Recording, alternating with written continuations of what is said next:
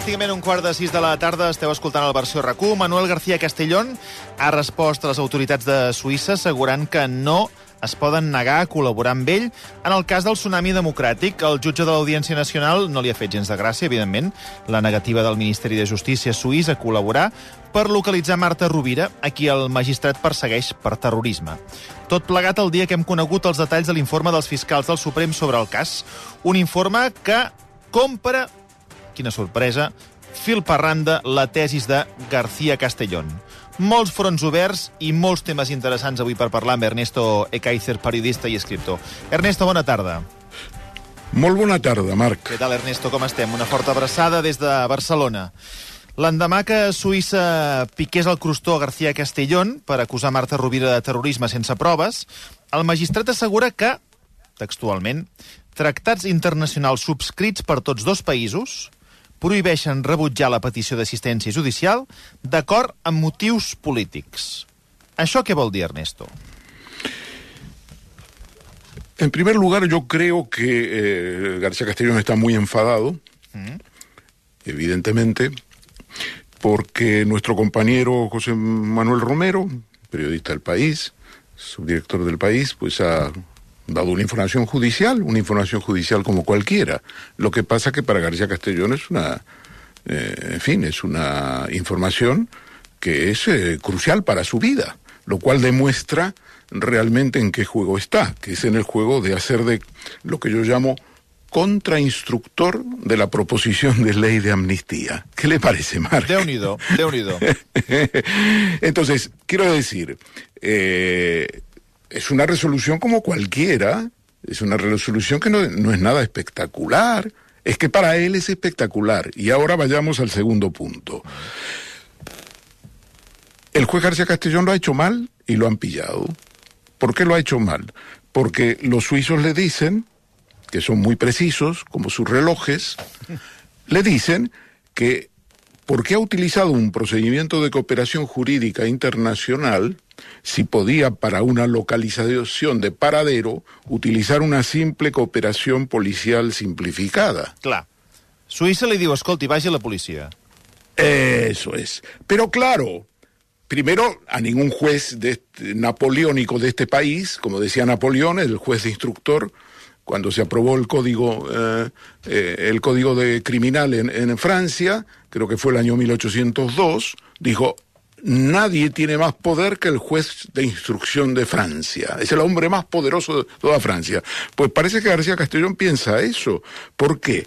Porque no quería ir a la cooperación policial casi un acto administrativo, porque si tú lo pides a través de la policía, del Interpol, eso te lo dicen enseguida, eh, eh, ni Marta Rubira ni Rubén Wagensberg se están ocultando. Salen todos los días a las calles, eh, dan entrevistas, se les fotografía aquí y allí. A ver, nos está pintando el juez García Castellón una clandestinidad que no existe. Això, Ernest, però no, todo no, no, esto es a efectos mediáticos. Però, però no és molt ridícul? És a dir, ara sí que... Claro. És que ens posés, poguéssim a buscar a Google on és Wagensberg i on és Marta Rovira, és que és que els trobaríem. Llavors, García Claro. Castellón, per què fa Claro. tot això? Porque el estatus de una cooperación jurídica internacional le va mejor a él por todo el trabajo de artillería pesada, o no pesada, según se vea, según Feijó no es pesada, porque el 16, eh, eh, porque el pasado, el viernes, eh, le explicó a los 16 periodistas que recibió en Off the Record, entre ellos también a gente de nuestra emisora, que esto del terrorismo no iba a llegar a nada.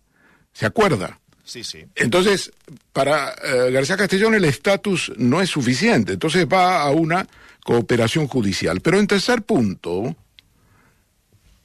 hay una triquiñuela en lo que hace García Castellón. A veure. La triquiñuela consiste en que él pide la localización. Y si la justicia belga y el Ministerio de Justicia, eh, perdón, Suiza, entra, ya él tiene una patita allí.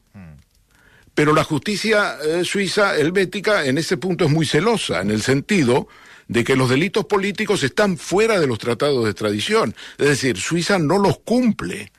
Ya puede invocar los tratados que quiera. Si para Suiza es una operación encubierta para trincar a Marta Rubira por un tema político, pues eh, los suizos lo dicen y es lo que le están diciendo. Ellos no dicen que no van a colaborar con él. Ellos dicen que interrumpen la colaboración. Es decir, hasta que no les aclare una serie de cosas, ellos no colaboran. ¿Está claro? No quiere decir de que ellos se le han repudiado, pero él se ha sentido repudiado y ha hecho dos cosas. Ha hecho dos cosas que son notables. Primero le ha salido el tiro por la culata. Yo no quiero reivindicarme, pero en una entrevista que me hizo Gemma Nierga hace dos semanas, le conté en qué consistía toda esta mascarada y los eh, nuestros oyentes, escuchantes, lo pueden ver allí. Fue, creo que el 4 de febrero en uh, Radio Televisión Española, en su programa El estupendo, Café de Ideas, sí. que yo le conté a uno de los tertulianos que me hizo la pregunta de por qué había hecho con Rubén Wagensberg esta historia. Y le conté que todo era una maniobra y que además no iba a salir. ¿Eh? Incluso le recomendé a Wagensberg que hablara con un abogado que es muy experto allí, que es amigo mío, que es el decano, eh, fue decano del Colegio de Abogados de, de, de Ginebra, eh, para que incluso le, le, asesorara, ¿no? Se llama Jean-Marc Carnicet, muy buen abogado. Mm. Y entonces, es evidente lo que ha pasado, pero el juez se ha cabreado, y aquí voy al quinto punto o cuarto punto porque ya me he perdido. El cuarto, el cuarto, vamos con el cuarto. Marcelino me corre. Cuarto, cuarto, el cuarto. ¿Cuál? Que yo llamo el colmo. El colmo. Vamos a ver. Vamos con el colmo. Eh, Marcelí, Marcelí. Digui. Si yo digo que la Audiencia Nacional es un queso gruyer, uh -huh. a usted no le va a llamar la atención. ¿O sí? No sé qué contestarle, francamente. yo, yo, diría que sí, me llamará un poco la Porque la, por las filtraciones, Exacto. porque sí. está lleno de agujeros Exacto. donde se filtran las cosas. ¿no, Marc? Sí, claro, sí. sí, eh, sí. Día sí, día no. Yo porque Marcelino está católico. No, no, no. no es un queso gruyere, es, es, un queso sí, gruyere. Porque, sí, porque sí. se sabe todo. Claro, sí, sí, sí. Claro. Entonces ahí se filtra todo. Entonces, ahora, aparte de contestar a Suiza de una manera eh, vehemente, y diciéndole, ustedes no conocen los tratados internacionales, en fin, al Ministerio de Justicia suizo, aquí estamos hablando del Ministerio de Justicia suizo, que se llama Office, Office Federal de la Justicia, que está en Berna, eh, le dice, dice aquí, está cabreado porque un compañero del país pues ha sacado una noticia que no ha filtrado García Castellón, porque también él filtra noticias, tiene buenas relaciones con la, con, lo, con, la prensa, si esto es normal en la Audiencia Nacional, ¿quién no las tiene? ¿Qué juez de instrucción no la tiene en la Audiencia Nacional? Ahora ha abierto una investigación secreta, uh -huh. para investigar El cómo ha sido la filtración. De es decir, ¿De qué, agujero, decir, ¿De qué agujero ha salido el, de qué agujero sí, del queso? Sí, sí. Ay, del queso eh, ha salido la filtración. Es que tiene muchos agujeros ese queso, como todo queso gruyer que se preste. Entonces, lo que a mí me parece tremendo es que está tan ensimismado con bombardear la ley de amnistía, se ha colocado tan en el centro político que lo de Suiza lo ha dejado con el culo al aire. Pero es que no se puede tapar eso. Eso ya ha ocurrido. Él puede dar más información, porque además no da la información que se le pide. Los suizos se lo dicen. Usted no nos da la información. Usted pide datos sobre una cuenta bancaria del año 20, pero usted los hechos del tsunami son del año 19, querido juez. A ver, ¿eso es proporcional o no es proporcional? A nuestro juicio no es proporcional. Es decir, los juicios no es que colaboren, le ha dado una patada en el culo. Perdone. No, no, no s'ha entès no, perfectament no, no, no, i jo li, jo li agraeixo, perquè de vegades el vocabulari molt tècnic no l'entenem no, i aquest ha quedat claríssim. I, sí, sí. I, ha, i ha quedat parat. Sí, sí. sí, sí.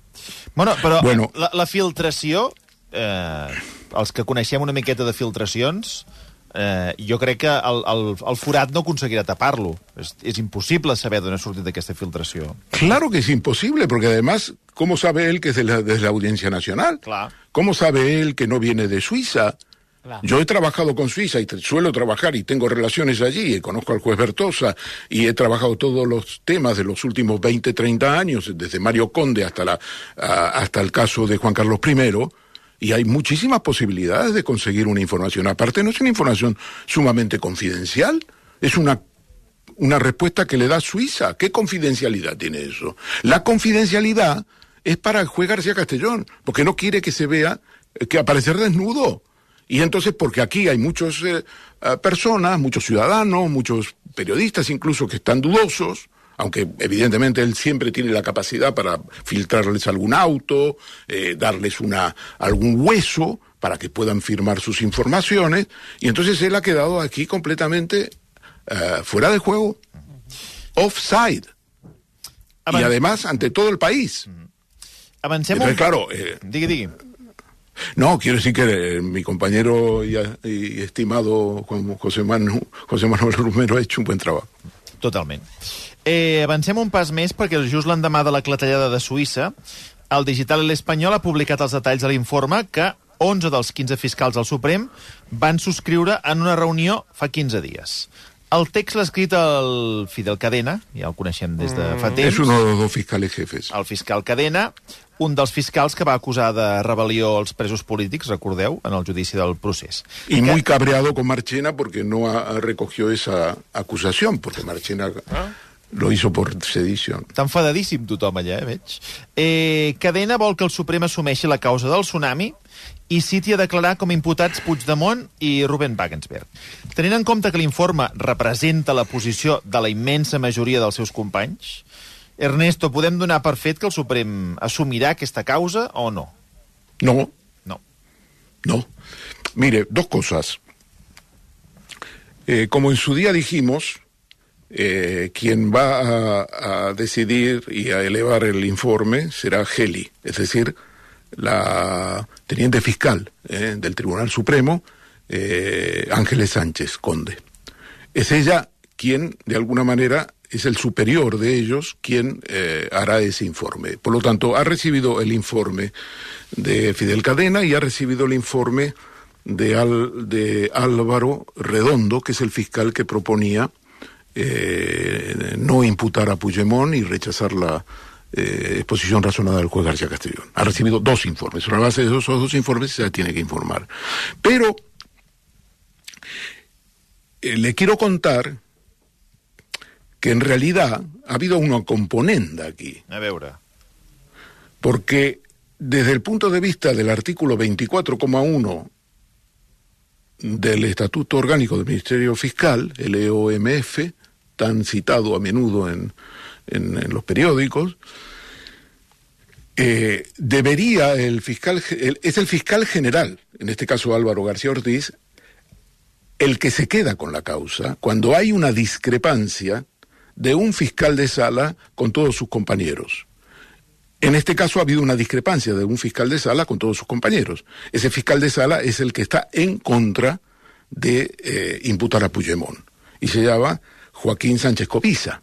Y lo dice clarísimamente el 24.1 del estatuto. Cuando ocurre esto es el fiscal general el que asume la responsabilidad. Pero además el estatuto pone otra condición.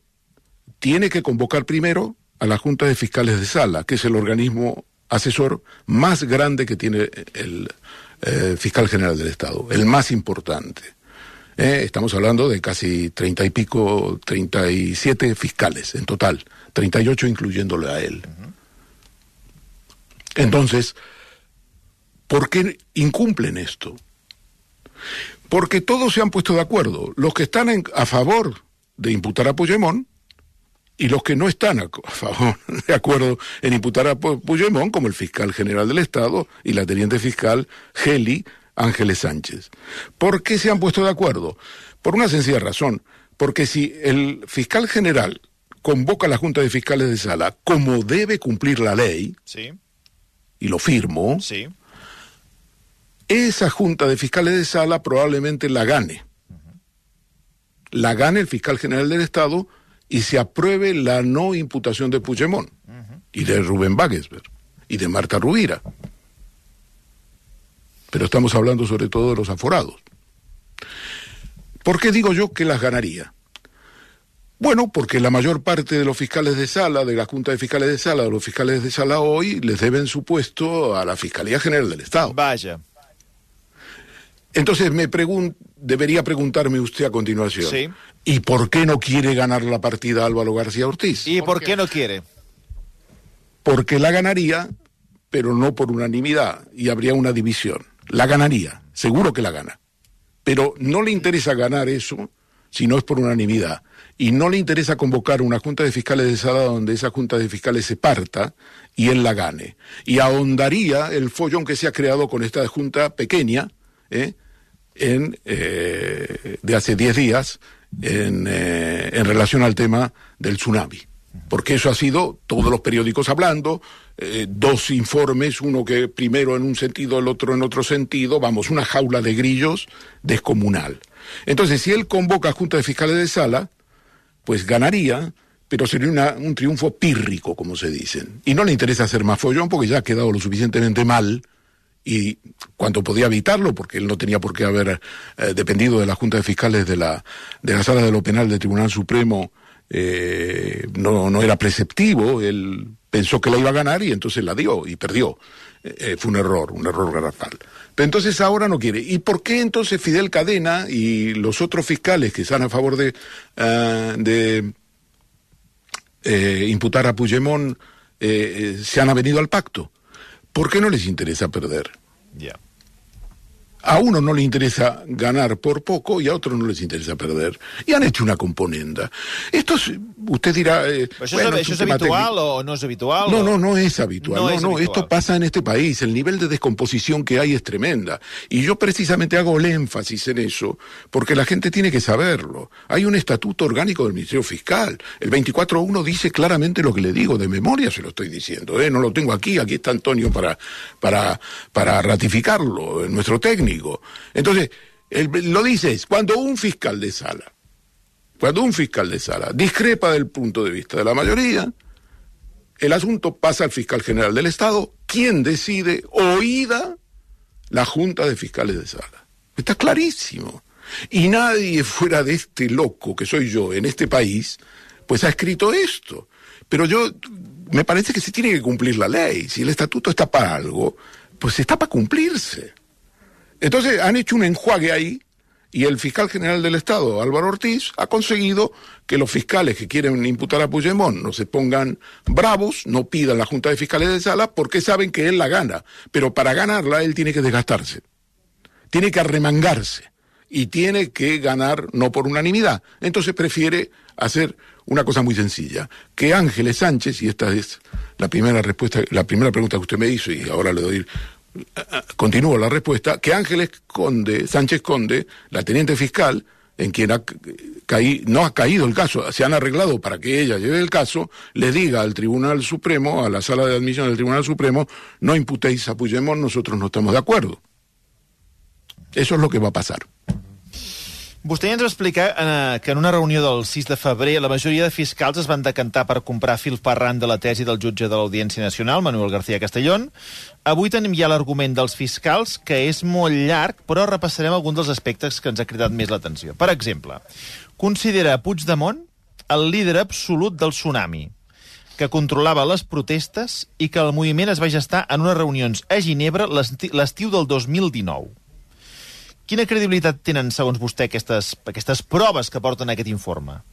No, no, no les doy credibilidad. Quiero decir que son pruebas muy endebles y creo que el trabajo que ha hecho Miguel Ángel Carballo, el, que era teniente fiscal de la Audiencia Nacional y ahora es fiscal y va a pedir un traslado a Ciudad Real, pues eh, lo dice claramente. Además, en relación al tema de la comisión rogatoria y la participación de Marta eh, Rubira, eh, ya es el colmo. Dice Carballo que eso se debe a un error del juez de haber leído la noticia en un periódico en el país Imagina't. y que lo interpretó mal. Imagina't. ¿Qué le parece? Em sembla increïble. També diu A que... Marcelino, le- a- a- ¿qué le pasa hoy? No, miri, eh, don Ernesto, escolti'm... No dona cosa. crèdits. No, primera que no dono crèdit, però és que després estic pensant, amb la gent que se l'escolta vostè i que explica tot el que explica, vostè em pot dir com és que aquests fiscals i tots aquests jutges no s'adonen que la gent de tot arreu no tindrà cap confiança amb la justícia espanyola i que no en voldran saber i no se'n podran refiar mai? Perquè saben no que quan s'ha de fer un pacte, es fa un pacte com el que ens està explicant. Ells, ells no són la respuesta conscients. para mí, la respuesta para mí, que lo veo todos los días esto, es, es muy sencilla. A ellos no les importa la opinión pública, Ah, les interesa o- la opinión publicada, Molt bé. Però, perdoni, medios de comunicación. bueno, però, però tant se val, però l'opinió publicada també és un escàndol. Sí, pero la opinión, la opinión publicada, si tú mañana le das un auto a un periodista eh, diez minutos antes que al otro, ese puede firmar una información y ya tiene hecho el día. Y bueno, al día siguiente se la dará a otro y así de seguido. Ese es el sistema que funciona. Y si no, la Guardia Civil, por ejemplo, la Guardia Civil ha filtrado hoy la información de la detención de un miembro del equipo, eh, del anterior, del antiguo equipo del ministro Ábalos, y se la ha filtrado antes de que se conociera. Y siempre la filma- la filtra el mismo medio. Es una cama redonda, chicos. Ja, però si és una vergonya. No sé. Uh, sí, sí, i que importi més l'opinió eh, publicada que la- l'opinió pública. I, que els, hi- I que els hi sigui igual. I que és igual, és igual, és igual, perquè avui se'n fa una i demà se'n fa una altra. I parlant de coses estranyes, un dels caps dels antiavalots de la policia espanyola que va actuar durant les manifestacions eh, post-sentència, s'ha ofert a testificar en aquesta causa, eh, que és una altra cosa que també ens ha sorprès. D'on ha sortit i quin paper pot jugar aquest testimoni, Ernesto? Bueno, es muy relativo, no creo que te ha... En fin. Yo creo que, al, digamos, al calor de todo esto han creado un nuevo proceso aquí. Están creando un nuevo proceso. En realidad yo le diría más grave que el proceso, porque como usted sabe, la sentencia de Marchena es una sentencia donde decía que el proceso era un ensueño. Después no te, no te explicas por qué le, le, le- les metieron sedición y algunos hasta 15 años, pero decía que era un ensueño. Yo, un ensueño que se castigue con un delito de sedición. Un ensueño que años de acab prisión. acabes a presó per un Sí, ensueño. Sí, sí. Lo dice así, ¿eh? Sí, sí, es una ensoñación. y, y- y dice más, dice, y bastó para que publicáramos el 155 para acabar con ese ensueño. Es decir, que yo eh, creo que están ahora creando aquí una dinámica de procés a los efectos de eh, eh, boicotear y sabotear la diagnóstica, que no lo conseguirán. Conseguirán retrasarla unos días, unas semanas. Pero también el sentido de la invitación de Marchena de hoy, junto con en el acto de presente, de alguna manera, de- no de presentación, pero sí un acto de un desayuno, que es lo que se suele hacer en Madrid, los desayunos madrileños, eh, eh, donde Marchena hace de presentador del señor Vicente Aguilar, de que es eh, presidente en función del Consejo, apunta a eso, porque la principal, el hecho in- interesante que ha habido hoy es que Aguilar te ha entrado ahí y ha dicho que hay que agradecerle a Marchena eh, lo que hizo eh, lo- en lo que yo llamo el juicio de Netflix de Marchena en el procés. Es decir, eh, y la gente aplaudió. Mira, ho podem escoltar. Eh, el president eh, suplent del Tribunal de Justícia, eh, Vicente Aguilarte, Tri- Tribunal Ge- General de Justícia Vicente Aguilarte, aquest matí ha coincidit en un esmorzar informatiu amb el president de la Sala Segona del Tribunal Suprem, eh, del Tribunal Suprem, Manuel Marchena, i això és el que han dit. Yo creo que eso es como el caso Falciani. Como no le mandamos a Suiza, pues nosotros tampoco mandamos, eh, no dejamos que nos manden nada. No tengo ni idea. Suiza es un país que no está en la Unión Europea. Eh, bueno, pues cada uno va buscando los sitios que le sean más proclives. ¿Qué va a pasar con ese tema? Pues habrá que ir viendo cómo evoluciona jurisdiccionalmente. Quina resposta, eh? Mare de Déu. No tengo ni idea. Bueno, Suiza es un poco... Bueno, hace, lo, hace lo suyo, ¿no? Es, es, es tremendo, Ernesto. Eh, ¿Lo, ve, ¿Lo ven? ¿Lo veis? Sí, sí, sí. sí. ¿Lo veis? Y vamos a ver, y, y- y Vicente Aguilar es un tipo muy simpático, es un, el abogado de los registradores, un tío que tiene facilidad de palabra, y nos viene con el caso Falciani. Ignora que el- la- Suiza excluye el delito político. Bueno, es que él no tiene que saberlo, es un abogado de los registradores, él no sabe de derecho penal. No sabe de derecho penal. Pero va ahí y dice, no, eh, se le ocurre. Dice, ah, como no le dimos a... Hombre, lo de Falciani fue una batalla muy importante. Pero Suiza nos dio todos los papeles del caso Bárcenas. Suiza nos había dado con mucha antela después del caso Falciani. Toda la operación de Bárcenas la conocemos por los jueces suizos. Toda la operación de Correa y todas las cuentas bancarias de Correa las conocemos por Suiza. Es, que es, un nivel de, exhibición de la ignorancia, decía yo. Pues claro, el teatro, dice, decimos normalmente es política, pero como decíamos aquí hace unos días, eh, hombre, lo que tiene, no tiene que verse que es tanto, que es tanto teatro, porque entonces se, eh, se autoliquida. Si todo es teatro, pues entonces eh, no sirve. No es, no es, eh, no, es. Y en esto igual. Entonces él nos dice una cosa que se le ocurre en el momento y va y la dice ante la prensa. Y no, como no nos dieron a Falciani. Bueno, hombre, pero es que no nos dieron a Falciani porque Falciani fue muy importante para la eh, Hacienda Española. Hemos eh, tenido, por ejemplo, la cuenta de Emilio Botín, eh, que estaba oculta de, de la familia Botín, entre toda la familia, aparte de Emilio, que era el presidente del Banco Santander, dos mil millones de euros. 200 millones entraron a la Hacienda Española y podían haber sido muchos más por declaraciones complementarias. ¿Y gracias a quién? A Falciani. Eh, per, A explicar, per explicar l'altra banda de la moneda, Carles Puigdemont veu conductes delictives en les maniobres de la justícia espanyola per acusar-lo de terrorisme. Ho ha dit a Twitter després de llegir l'informe dels fiscals. L'expresident acusa els fiscals de donar credibilitat a un informe delirant i manipulat per la policia. L'altra cosa, és, eh, Ernesto, és que Puigdemont tingui algun marge per, per poder recórrer a alguna instància, no? Bueno, este, vamos a las instancias de los, de, de los recursos y además ahora tenemos la palabra del doctor Feijó. El doctor Feijó ha dicho que eso del terrorismo no va a ninguna parte. ¿Eh? Sí, sí. Hombre, si él lo dice, dado que el mismo Partido Popular ha venido impulsando el terrorismo y apoyando, a el, digamos, la calificación de terrorismo y apoyando al juez García Castellón. No me toquéis al juez García Castellón. La Teresa Rivera, pobre, la ministra de... La ministra dijo, no, hombre, lo que pasa con las resoluciones del juez García Castellón es que, hombre, él siempre sale en los momentos oportunos y parece que eh, se inclina hacia un lado. Hombre, la mujer le hicieron la vida imposible. Y el Esteban González Pons dijo, aquí el- lo que hay es un cáncer del Estado de Derecho, y ese cáncer del Estado de Derecho está en el Tribunal Constitucional.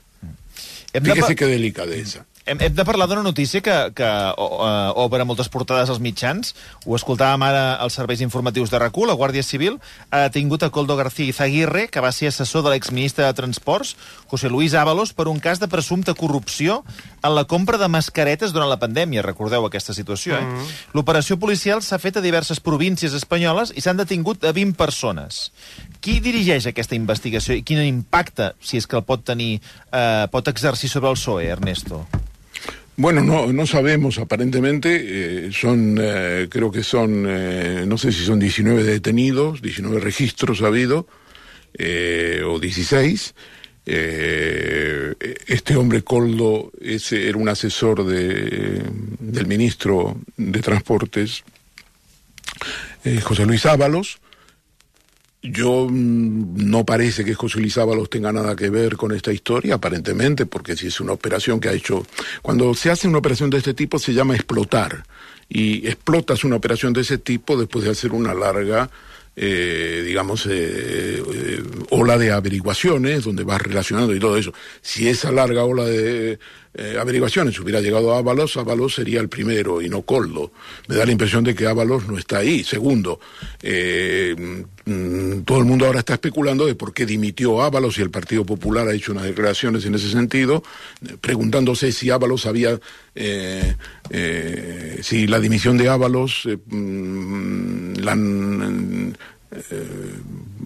la- mejor dicho, no la dimisión, cuando reestructuró el gabinete, Pedro Sánchez no le volvió a nombrar ministro de Transportes, si tenía que ver con esto y que en ese caso, pues, eh, también tenía que dejar el escaño de los diputados. Hombre, vamos a ver, lo que hay que ver es qué hay detrás de esta operación, cuáles son las responsabilidades y me da la impresión de que por la filtración de una información de la Guardia Civil, que es una filtración auténtica, además al periódico de siempre, porque es una fija, eh, pues no podemos sacar conclusiones todavía. Seamos prudentes, ¿no? Bueno, com deia l'Ernesto Ábalos, va deixar el Ministeri de Transports i la Secretaria General del PSOE el 2021. Aquesta retirada de la primera línia política mm, va ser sense gaires explicacions. No sabem encara mm, si va tenir alguna cosa a veure o, o no. En fi, Ernesto, eh, Ahora, yo quería añadir, sí, Sí. unas cosillas. eh, muy, muy poco. Eh, una cosa muy importante y es que eh, en el Tribunal de la Haya, Sí. que, donde se discute durante una semana, dos- seis, audiencias, eh, seis audiencias, sí, termina el lunes con la participación de España, se está discutiendo sobre Israel y sus prácticas en los territorios ocupados y todos los países están prácticamente 52 países están pronunciándose diciendo que eh, efectivamente eh, toda la zona de Cisjordania, Jerusalén Este y la Franja de Gaza son territorios ocupados y que desde el punto de vista de los territorios ocupados impera la ley y los convenios de Ginebra y que por lo tanto la política de Israel es una política de crímenes contra la humanidad, de anexión de territorios prohibidos por la Convención eh, de Ginebra porque se por la fuerza o la amenaza de la fuerza y es impresionante. Y hoy Estados Unidos ha hecho una intervención eh, diciendo que, hombre, que mm, no se les ocurra al Tribunal Internacional de Justicia, que es el principal eh, tribunal de la ONU, no se les ocurra pedir la, re- la- la retirada de Israel de los territorios ocupados. Esto después que anoche Estados Unidos, en el Consejo de Seguridad de la ONU, volvió a vetar por tercera vez un alto el fuego. Por tercera vez. Entonces, claro, lo de Estados Unidos, claro, no tendrá apoyo entre los 52 países. El único país que apoya a Israel en la línea de Estados Unidos son las Islas Fiji. Las Sí. Islas Fiji. Todos mis respetos por las Islas Fiji. Parece que son maravillosas, por lo que me ha contado algún amigo que ha estado allí. Sí. Pero son las Islas Fiji y Estados Unidos los que apoyan a Israel como potencia ocupante en los territorios ocupados. De fet, el Eso es un elemento... Sí, sí, dic el representant dels Estats Units s'ha quedat sol, sol, Solo. davant del Tribunal de l'Haia defensant Solo, això, solo. que Israel solo, con no posiciones. dels territoris. Eh, Egipto ha tenido una els- posición maravillosa, un planteamiento jurídico extraordinario. Cuba ha tenido un planteamiento extraordinario, poniendo el acento no solamente en Israel, sino en los cómplices, en las armas que se utilizan en el conflicto, apuntando a Estados Unidos a sistemáticamente apoyando a Israel financiera y militarmente. Y para terminar, no puedo dejar de decirle, pero hoy termina en Londres, en el Tribunal de Justicia de Inglaterra y Gales, eh, el alegato eh, para impedir la eh, extradición de Julian Assange, el periodista de Wikileaks, eh, eh, a Estados Unidos, donde quieren meterle 107, 110 años de prisión por el delito de espionaje. Este es un periodista. Si los periodistas no defendemos la libertad de expresión y la libertad de nuestros periodistas, en todo el mundo estamos perdidos, mucho más perdidos de lo que ya lo estamos. Pero además hay una cosa que me ha impresionado, y es que el tribunal, en esta ocasión, le ha dado a Assange la posibilidad de salir, de que lo extracar- eh, excarcelen de la eh, prisión de alta seguridad de Belmarsh, que yo estuve allí porque fui al, eh, en su día, eh, en el año 1999, al juicio de Pinochet y tuvo que comparecer en, el- en la cárcel de alta seguridad, que ya no, no le cuento cómo es, que es tremenda, ¿no? Es una cárcel, bueno, eh, impresionante. Pues le habían dado permiso para salir de Belmarsh a Assange y acudir al tribunal, a Londres, al centro de Londres, al Strand, y no, pu- no puede por razones de salud, ni siquiera ha podido ver la audiencia por eh, videoconferencia. Es decir, la situación de salud de Assange es, eh, está muy deteriorada. La gente que la ha visitado dice que está fatal y la mujer, pues, lo ha dicho todo ayer eh, eh, cuando declaró que tenía mucho miedo que Assange siguiera la suerte, sin comparar los dos casos, porque no tienen nada que ver, del ruso Navalny, Ah, exacte. que ha muerto la semana pasada. Ernesto, hem de defensar la professió, hem de defensar els periodistes, moltes vegades injustament atacats, però de vegades són les, som les úniques veus que queden per posar el crit al cel davant de les injustícies d'aquest món. Una abraçada, Ernesto. Fins una altra. Adeu, Adeu. abraçada forta per tot, tots, totes. Versió RAC 1.